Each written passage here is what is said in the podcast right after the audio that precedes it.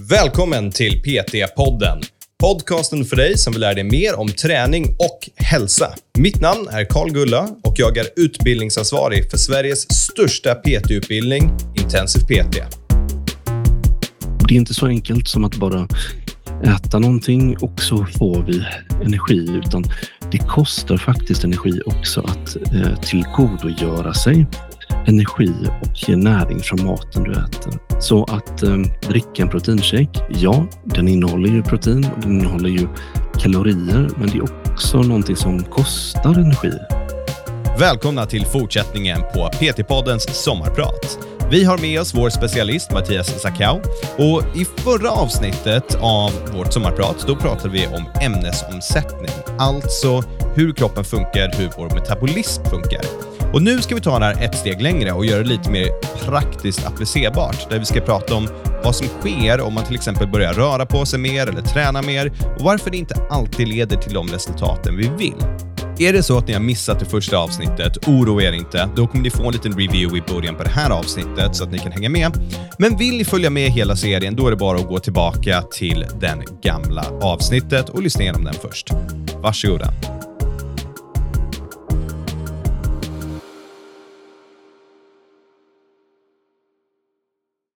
Välkommen till del två av Intensiv PTs sommarprat tillsammans med Mattias Sakau. Hur mår du idag?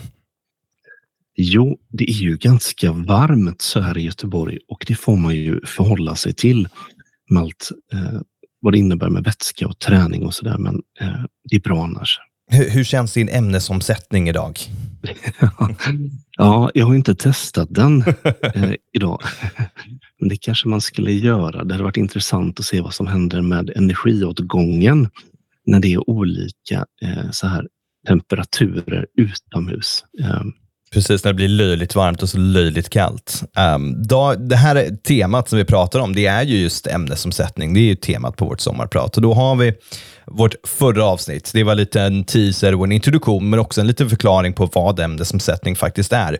Det ska ni gå tillbaka till och lyssna på om ni vill följa hela den här serien kronologiskt. Men jag tänker, ge oss bara en, så här, en 30 sekunders liksom review av det vi pratade om i förra avsnittet. Um, så att man ändå kan hänga med här så gott det går. Ja, de flesta förstår inte hur fettförbränning går till och det gör inte ens läkare eller dietister. Eller jag. Åtminstone en sån här vetenskaplig mm. studie där, man tittar på de här uppfattningarna. Men fettet som du förbränner, det andas du ut och det beror på att energin omvandlas till koldioxid och vätska. Eh, och ehm, den här kunskapen om hur ämnesomsättning fungerar är väldigt användbar för tränare. För det har också lite praktiska implikationer.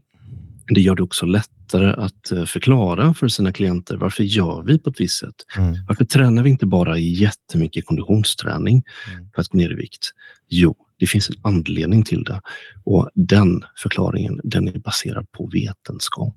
Okej, det, det här var en jäkligt bra summering måste jag säga. Uh, och, och Vad är det vi ska hoppa in på idag? Då? För vi kommer ju fortsätta dialogen framåt här. Ja, vi eh, rör oss vidare längs eh, de här olika metabola väggarna i kroppen. Och eh, vi pratade ju också förra gången lite om det här med anabolism och mm. katabolism och det handlar om nedbrytning och uppbyggnad av molekyler eller ja, nedbrytning av det. Mm. Och eh, vill vi skapa en förändring i vår kroppsvikt, då vet vi att det handlar framför allt om energiförhållanden. Var är vi i relation till energibalansen? Förbrukar vi mer kalorier än vad vi konsumerar eller tvärtom? Mm. Något av det här måste ju förändras och det är ju därför man ofta för det här rådet att ja, ska du gå ner i vikt, då behöver du äta mindre och röra på dig mer. Mm. Och, och, kommer du, som lite så teaser-spoiler här, kommer du förändra den bilden som man har nu? Eller kommer du bara bekräfta den ännu mer, tror du? Jag tror att det kommer utmana den lite grann. Okay. För när man äter mindre och när man rör på sig mer så finns det någonting som kallas för energikompensationer. Mm. Och Det betyder att det är inte så enkelt som att bara försöka förbruka så mycket kalorier som möjligt. För att kroppen den förändras, den anpassar sig om de här förutsättningarna förändras. Hur mycket energi du konsumerar eller hur mycket du förbrukar. Mm. Och Det här är ju det som då ibland kallas för metabola adaptationer, metabola anpassningar alltså. Och det är ett fräckt ord, men det det betyder egentligen bara att det sker en förändring i eh, ämnesomsättningen och då kan det vara energiåtgången eller då energiutgifterna. Okej, okay, och det här med energiåtgång och energiutgift, det känns som ord som vi kanske behöver förklara lite mer. Vad, vad faktiskt innebär de orden? Ja, det är väldigt populärt att använda ekonomiska såna här metaforer för att beskriva hur det funkar med kalorier. Ehm, men vi kan nog göra det ännu enklare. Mm, du förbrukar ju kalorier. Det kostar energi att göra saker. Mm. Och det är ju dina utgifter. Mm. Sen har du ju tillgångar också och det finns ju från maten du äter. Det finns ju lagrat på olika ställen. Det finns i kroppsfett, i adipositer, det finns i levern, det finns i muskler och det cirkulerar ju även näring så där runt i blodomloppet mm. som vi har tillgång till och kan använda. Mm. Ehm, men de här utgifterna som vi har, vi måste spendera energi på saker för att leva som människor. Det kostar att leva. Ja, jo tack. Så, så är det ju tyvärr. Och eh, i fallet då människan, människans liv, så är det ju kalorier som är den här mm, hårda valutan egentligen. Mm. Och Det här är då vad vi ska försöka förklara lite mer idag, vad de här olika komponenterna faktiskt är för någonting i större detalj. Ja, precis. Och det är ju då dina utgifter som vi pratar om då. Mm. Och vad som händer när vi gör olika förändringar kopplat till det. Ja, mycket av det här är baserat på en studie av Trexler et al. med flera. Jag tror den kom ut 2014 och där tittade man på då sådana här metabola adaptationer i samband med kalorirestriktion för fysikatleter, alltså typ kroppsbyggare, fitnesstävlande. Mm. Och eh, det man tittar här då på det är egentligen hur ämnesomsättningen förändras när de begränsar hur mycket energi de får i sig. Man äter lite mindre, man deffar mm. helt enkelt. Klassiker. Och eh, det finns en fin sån här schematisk förklaring i den här studien. Eh, av vilka sådana olika energiutgifter som finns. Sen ska man känna till att det finns olika förklaringsmodeller för detta också, men detta är en som är användbar och det är den vi väljer mm. att utgå ifrån. Mm. Och Då delar man in de här energiutgifterna i två kategorier och en är vid vila och en är vid aktiviteter på sätt och vis. Då. Och Den första energiutgiften vi har här, det är ju då fysisk träning. Mm. Om vi går och styrketränar. Ja, eh, oavsett om vi tränar med tunga vikter, lätta vikter, många repetitioner eller lite fler repetitioner eller kanske springer i skogen en lång sträcka så är allt det här en utgift. Det kostar kalorier. Mm. Då vet vi också att för att gå ner i vikt så behöver vi äta mindre, men vi behöver röra på oss mer. Och då är det lätt att tänka här att det här är en sån utgift som vi ska maximera. Mm. Ska Men, röra på oss varje dag. Ja, verkligen. Hur mycket som helst. Mm. Gärna. Mm. Men vad händer då om vi rör på oss så mycket som helst? Har du några tankar kring det? Det jag gissar på att du kommer säga snart är att kroppen börjar anpassa sig till det och förstå att men det är så här vi rör oss. Och så kommer den börja bli mer effektiv på att göra det också. Ja, så är det. Och det har ju då konsekvenser och frågan är hur den anpassar sig. Och eh, om det är så att vi gör mycket konditionsträning, mm, ut och springer i skogen på löpband eller vad det nu är vi gör, så innebär det att resten av dagen så kommer vi bli slöare. Mm. Vi kommer spendera mindre energi resten av dagen om vi har förbrukat förbrukat mer energi under tiden som vi har tränat. Och det är då en sån metabol anpassning. Man kan tänka att eh, vi blir latare efter att vi har ansträngt oss mer just för att vi ska få bättre chans att överleva. Det här är kroppens sätt att hushålla med energin så att mm. vi inte förbrukar för mycket. Alltså efter en hård ansträngning då vill kroppen spara in lite grann på energin? Ja, verkligen. Och eh, det verkar vara lite skillnad så där på högintensiva intervaller, styrketräning och mer långvarig eh, uthållighetsträning. Men mm, det finns sådana här kompensationer oavsett vilken träningsform det är som eh, det handlar om. Är, är de stora kompensationer? Är det små? Jag menar, snackar vi så här 50 kilokalorier som går på en dag här som bara anpassar sig fram och tillbaka? Eller kan det faktiskt vara avgörande faktorer för någons viktnedgång? Ja, jag menar nog ändå att det kan vara ganska avgörande. För om du tränar ju väldigt mycket konditionsträning och du kommer hem efter detta så är du så trött så att du kommer vara mindre spontant fysiskt aktiv. Mm. Och då handlar det kanske om att du kliar dig mindre du kliar någonstans. Mm. Du gör mindre sådana här spontana fysiska aktiviteter. Man kan till och med uppleva sig slöare om man skulle ställa sig och laga mat. Mm. Och allt detta är liksom funktioner som finns i kroppen som man kan dra ner på lite grann just för att kompensera detta. Okej. Okay. Och eh, det finns två förklaringsmodeller för det här. Eh, den ena är ju då att alla de här utgifterna de eh, adderas. Eh, så ju mer kalorier du förbrukar per tillfälle, desto mer total förbrukning får du då. Sen finns också någonting som kallas för um, en sån här constrained modell, alltså en begränsad modell. Mm. Och det är just det vi är inne på nu då, att det sker en sån här kompensation som vi förbrukar mer på ett ställe, då förbrukar vi mindre energi någon annanstans. Mm.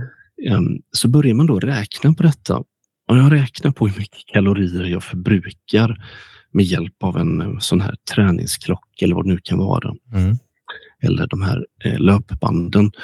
Så märker man ganska snabbt att det är inte så enkelt som att ett visst antal kalorier som du har mm, genererat med detta då eh, nödvändigtvis skulle resultera lika stort underskott. Det är alldeles för komplext för att räkna på det viset. Mm. Men det känns, nu, nu, kanske jag går lite före, men om det är en av de få metoderna som är enkel för en kund att förstå, då är det väl kanske någonting vi behöver göra också och tänka så. Mm. Hur, hur ska vi tänka då, tänker du? Nej, jag, jag, tänker om det är att man, det står där på löpandet vi har bränt 500 kalorier, då kanske vi säger att det är 400 då. och sen så får vi liksom anpassa oss kring det för ett träningspass med en kund. Eller har vi andra sätt att försöka resonera kring det här? Ja, um, ur en träningssynpunkt så kan vi använda kaloriförbrukningen i samband med eh, sådana här eh, aktiviteter på konditionsmaskiner som ehm, en typ av riktning för att styra mm. liksom, hur ska vi träna? Jo, nu ska vi förbruka så här många kalorier till exempel. Men eh, däremot kan vi inte översätta detta till att ja, det innebär att då kan jag äta lika mycket kalorier mm. som jag precis har eh, genererat här. Okej, okay, så vad mer har vi förutom fysisk träning då, som är en utgift? Ja, en annan utgift är då den icke träningsspecifika motionen eller andra fysiska aktiviteter som inte är kopplat till riktad eh, träning. Så där. Det kanske är, ja, eh, jag ska gå till bussen. Eller återigen, jag kliar mig eh, i huvudet. Eller mm. petar mig i näsan eller vad det kan vara. Mm. Eh, alla sådana här fysiska aktiviteter som vi gör som inte är träning, de kostar ju också energi. Ja, bara att existera, gå en promenad med hunden eller gå ut till bilen antar jag. Ja, precis. Kan man fundera på, kommer du förbruka mer energi om du går ut och går med hunden jämfört med om du går själv? Ja, ja. förmodligen, för han går väldigt fort den där jäkeln och man får springa efter honom hela tiden. Men oavsett, hur påverkar det? Så då har vi liksom mer olika utgifter och är, är det de här två tillsammans som vi ska försöka tänka eller finns det flera komponenter som blir relevanta i den här konversationen? Som personlig tränare så jobbar du ofta med just detta med vardagsmotion, kanske att man vill uppmuntra till fler antal steg per dag. Mm. Då är det ju NEAT egentligen då som vi arbeta med, icke träningsspecifik fysisk aktivitet. Mm. Men vissa tränare de jobbar ju också med kosten. Mm. Mm, och eh, det är inte så enkelt som att bara äta någonting och så får vi energi, utan det kostar faktiskt energi också att eh, tillgodogöra sig energi och näring från maten du äter. Mm. Så att eh, dricka en proteinshake, ja, den innehåller ju protein och den innehåller ju kalorier, men det är också någonting som kostar energi i sig att mm. försöka ta upp. Absolut. Det, och det, ur synpunkten viktnedgång så är väl en bra sak då, antar jag? Ja, det kan det ju vara. Mm, det finns ju också en sån här uppfattning som, jag eh, vet inte hur populär den är längre, men förr så sa man ju ofta det att för att hålla förbränningen vid liv så ska du äta ofta. Just det. För om du äter ofta, jo, då kommer du ju förbruka mer kalorier. Och mm, det är inte riktigt så enkelt som att du kan äta väldigt mycket mer och på det viset då skapa ett kaloriunderskott. Tyvärr, det hade varit fint om det funkade mm. på det mm. sättet. Däremot så de här olika makronutrienterna, alltså näringsämnena, de kostar olika mycket energi att bryta ner. Mm. Vilken är dyrast och vilken är billigast? Ja, det är ju protein faktiskt som är den dyraste. Så om man skulle skruva upp lite intaget av protein i kosten, bara där då så får man en ökad sån här energiutgift mm. för detta. Eh, det som kallas för då dietär termogenes, alltså energikostnaden för att eh, omvandla mm. eh, energin från maten du äter. Och eh, den som kostar minst, det är ju eh, fett. Mm. Eh, fett är på något sätt lättast att tillgodogöra sig. Mm. Okej, okay. och finns det fler andra komponenter som vi ska ta hänsyn till i detta? Mm, um, det gör det ju. Um, jag vill bara avsluta med det att då kan man ju tänka sig att det makes sense att höja mängden protein i mm. kosten om man skulle vilja gå ner i vikt. Man får lite bättre förutsättningar för det. Sen är inte det väldigt betydande för att det här utgör en väldigt liten del av din totala då, mm, energiförbrukning dagligen. Nu kom det in en eh, gammal sur katt här. Jag vet inte om det kommer med i podden. Som också vill vara med. Ett litet gästspel. Um, ja, sen har vi ju då den sista komponenten enligt den här förklaringsmodellen i alla fall och det är det som kallas för BMR. Mm. Och eh, det tänker jag är lite bekant ändå för många tränare och kostrådgivare. Vad är BMR? Hur går dina tankar? Precis, så BMR det är ju en av komponenterna vi använder när vi ska räkna på vad en person får, får äta, tänkte jag säga. Men det, det är väl inte riktigt rätt ord. Men vad deras energiförbrukning är per dag. Och om jag kommer ihåg det här rätt, då är ju BMR det är ju när man vilar i stort sett. Det, det är ju det som är när man inte gör så jäkla mycket, vad det kostar att bara existera. Ja, precis. Och eh, det här är ju majoriteten egentligen av dina energiutgifter. Mm. Det kanske kan låta lite konstigt sådär eh, för att eh, man borde ju förbruka mycket mer när man tränar och så. Men det är ganska liten tid varje dag som man lägger på att vara fysiskt aktiv. Mm. Det mesta av energin går faktiskt åt till de här basala funktionerna som att eh, se till att hjärnan har energi eller eh, andra organ i kroppen har energi för att eh, upprätthålla de här livsavgörande funktionerna. Mm. Andning, hjärtslag och så vidare. Och eh, därför, just för att det utgör en så stor del av din energiförbrukning så säger det väldigt mycket om ditt energibehov, hur mycket kalorier du behöver äta. Så när man testar detta i ett labb, eh, någons energibehov, då gör man så kallade RMR-tester. Då får personen ligga ner i 10 till 15 minuter och så har man en sån här eh, andningsgasmask eh, på sig och så analyserar man då in och utandningsluften och baserat på det här så får man fram energibehovet. Det är det tuffaste testet man kan göra, ligga helt still. Ja, det, det låter som ett test som jag kanske skulle klara av. Det, det är gränsfall, det är lite svårt, men jag tror att jag grejer det. Eh, och det är, väl, är det ganska exakt då? Det är mer noga än min armklocka som talar om för mig vad jag förbrukar på en dag för att existera? Ja, det finns ju väldigt många sådana här olika sätt att ta reda på sitt energibehov. Eh, föreställningsvis i alla fall. Och det finns appar, det finns klockor såklart och så.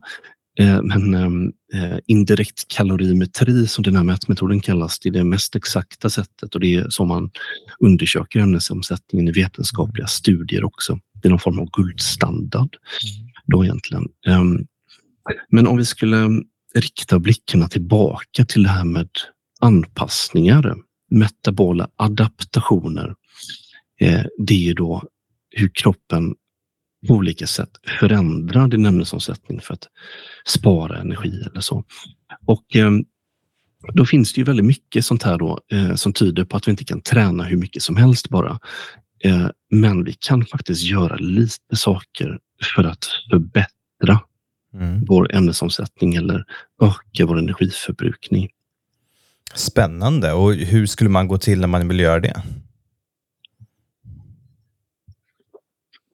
Mm, um, till att börja med så är ju regelbunden styrketräning någonting som man har sett både öka de här energiutgifterna i samband med fysisk aktivitet men också din eh, vilometabolism. Då. Så att där får du effekt på båda de här delarna. Och det är inte bara för att det kostar att vara fysiskt aktiv utan sen att reparera muskelvävnad, att bygga muskelmassa, det kostar också energi. Eh, så där får du då en ökad energiutgift bara där av att du styrketränar och gör det regelbundet. Är det någonting där i samma veva av att om man har mer muskelmassa så kostar det mer för kroppen att bibehålla också jämfört med att inte ha det? Ja, precis. Och eh, personer som väger mer överhuvudtaget, de har då oftast lite större eh, energibehov överhuvudtaget mm. av just den anledningen. Mm. Ja, det är, allt det här är väldigt, väldigt spännande. Vad, um, vad är det som du känner är det absolut viktigaste som du vill lyfta fram i det här, genom det här avsnittet, genom våra energiutgifter? Mm. Okej, okay, så vi pratat om kompensationer och vi vet att styrketräning som görs regelbundet, kanske då framförallt med syftet att be muskler öka då din ämnesomsättning. Men om du istället skulle göra väldigt mycket konditionsträning mm. då, och inte styrketränar, då kanske du snarare skulle få lägre ämnesomsättning. Mm. Och det gäller ju då totalt sett, även om du då skulle spendera mycket tid på detta. Åtminstone enligt den här förklaringsmodellen då att det sker sådana här kompensationer. Eh, man kan ju tillägga det att det finns frågor kring detta också. Det är inte helt självklart hur detta fungerar utan mm. det här är ju bara ett sätt att se på det. Eh, men man tror att de här metabola anpassningarna, de varierar. Inte bara med vilken aktivitet du gör utan olika individer verkar få olika stora sådana här kompensationer. Så det är väldigt svårt att försöka räkna på det. Mm. Man måste nästan testa det. Ja, det är ju svårt. Här, vi pratade lite om det i slutet på förra avsnittet, där man skulle säga att ja, men, den här personen som säger att de äter allt som finns men aldrig går ner eller upp i vikt. Då är det på grund av de här utgifterna som vi pratar om då. Um, jag menar, ja, det, först och främst, här, är det någon sanning i det då, tror du? Jag tror att det finns lite sanning i det där. Um, inte alltid. Jag tror att man väldigt lätt drar sig till detta att man börjar förklara sina mm. resultat med att man har snabb eller långsam ämnesomsättning. Och jag tror att i de flesta fall så handlar det inte om det utan det handlar om att man helt enkelt inte vet hur mycket man ska äta eller hur lite man ska äta då, i relation till ens ämnesomsättning. Mm. Att det handlar om det. Däremot så förutom att graden av adaptationer verkar vara olika på en individnivå eh, sådär, så verkar det också som att vissa personer de har naturligt lite mer nit. Mm. Alltså att de bara är lite mer fysiskt aktiva alltid. Mm. Man gör lite mer så här spontana rörelser, ser sig om, tittar upp i luften, kliar sig någonstans eller eh, dansar när man hör en god låt mm. kanske. Mm. Eh, och de personerna kan man ju tänka sig då ändå har kanske lite högre energibehov egentligen jämfört med de som har lite lägre NIT. Och det kan vara då en genetisk komponent till det. Så det är inte bara anpassning efter hur mycket vi äter eller hur vi planerar vår träning. Det är väldigt intressant när, när du använder just det exemplet. För jag har, alla har ju en person i huvudet när man, tänk, när man liksom förklarar den här människan. Och Den personen som jag tänker på, det är den personen som har mest energi i hela världshistorien, liksom, som inte kan stå still i tio sekunder. Och Det är också någon som kan äta precis vad som helst, i alla fall själv har de sagt det och andra människor säger det om den personen. Liksom en sån. Och Det är någon som aldrig sitter still. Hur vill du fortsätta ta det här till nästa avsnitt? Hur vill du bygga vidare på vårt sommarprat? Ja, mm, nu har vi pratat om var fettet tar vägen. Vi har pratat om ämnesomsättningens komponenter och våra energiutgifter. Det hade ju varit intressant att här framöver gå lite närmare det här praktiska och brygga då avståndet mellan den teoretiska kunskapen och vad vi gör som personliga tränare. Vi har eh, nuddat vid det här lite grann ändå, mm. eh, men jag tänker att vi ska närma oss det och även titta på missförstånd och myter. Spännande. Då ser vi fram emot det för nästa avsnitt. Ja. Säga stort tack för att du var med. Tack själv.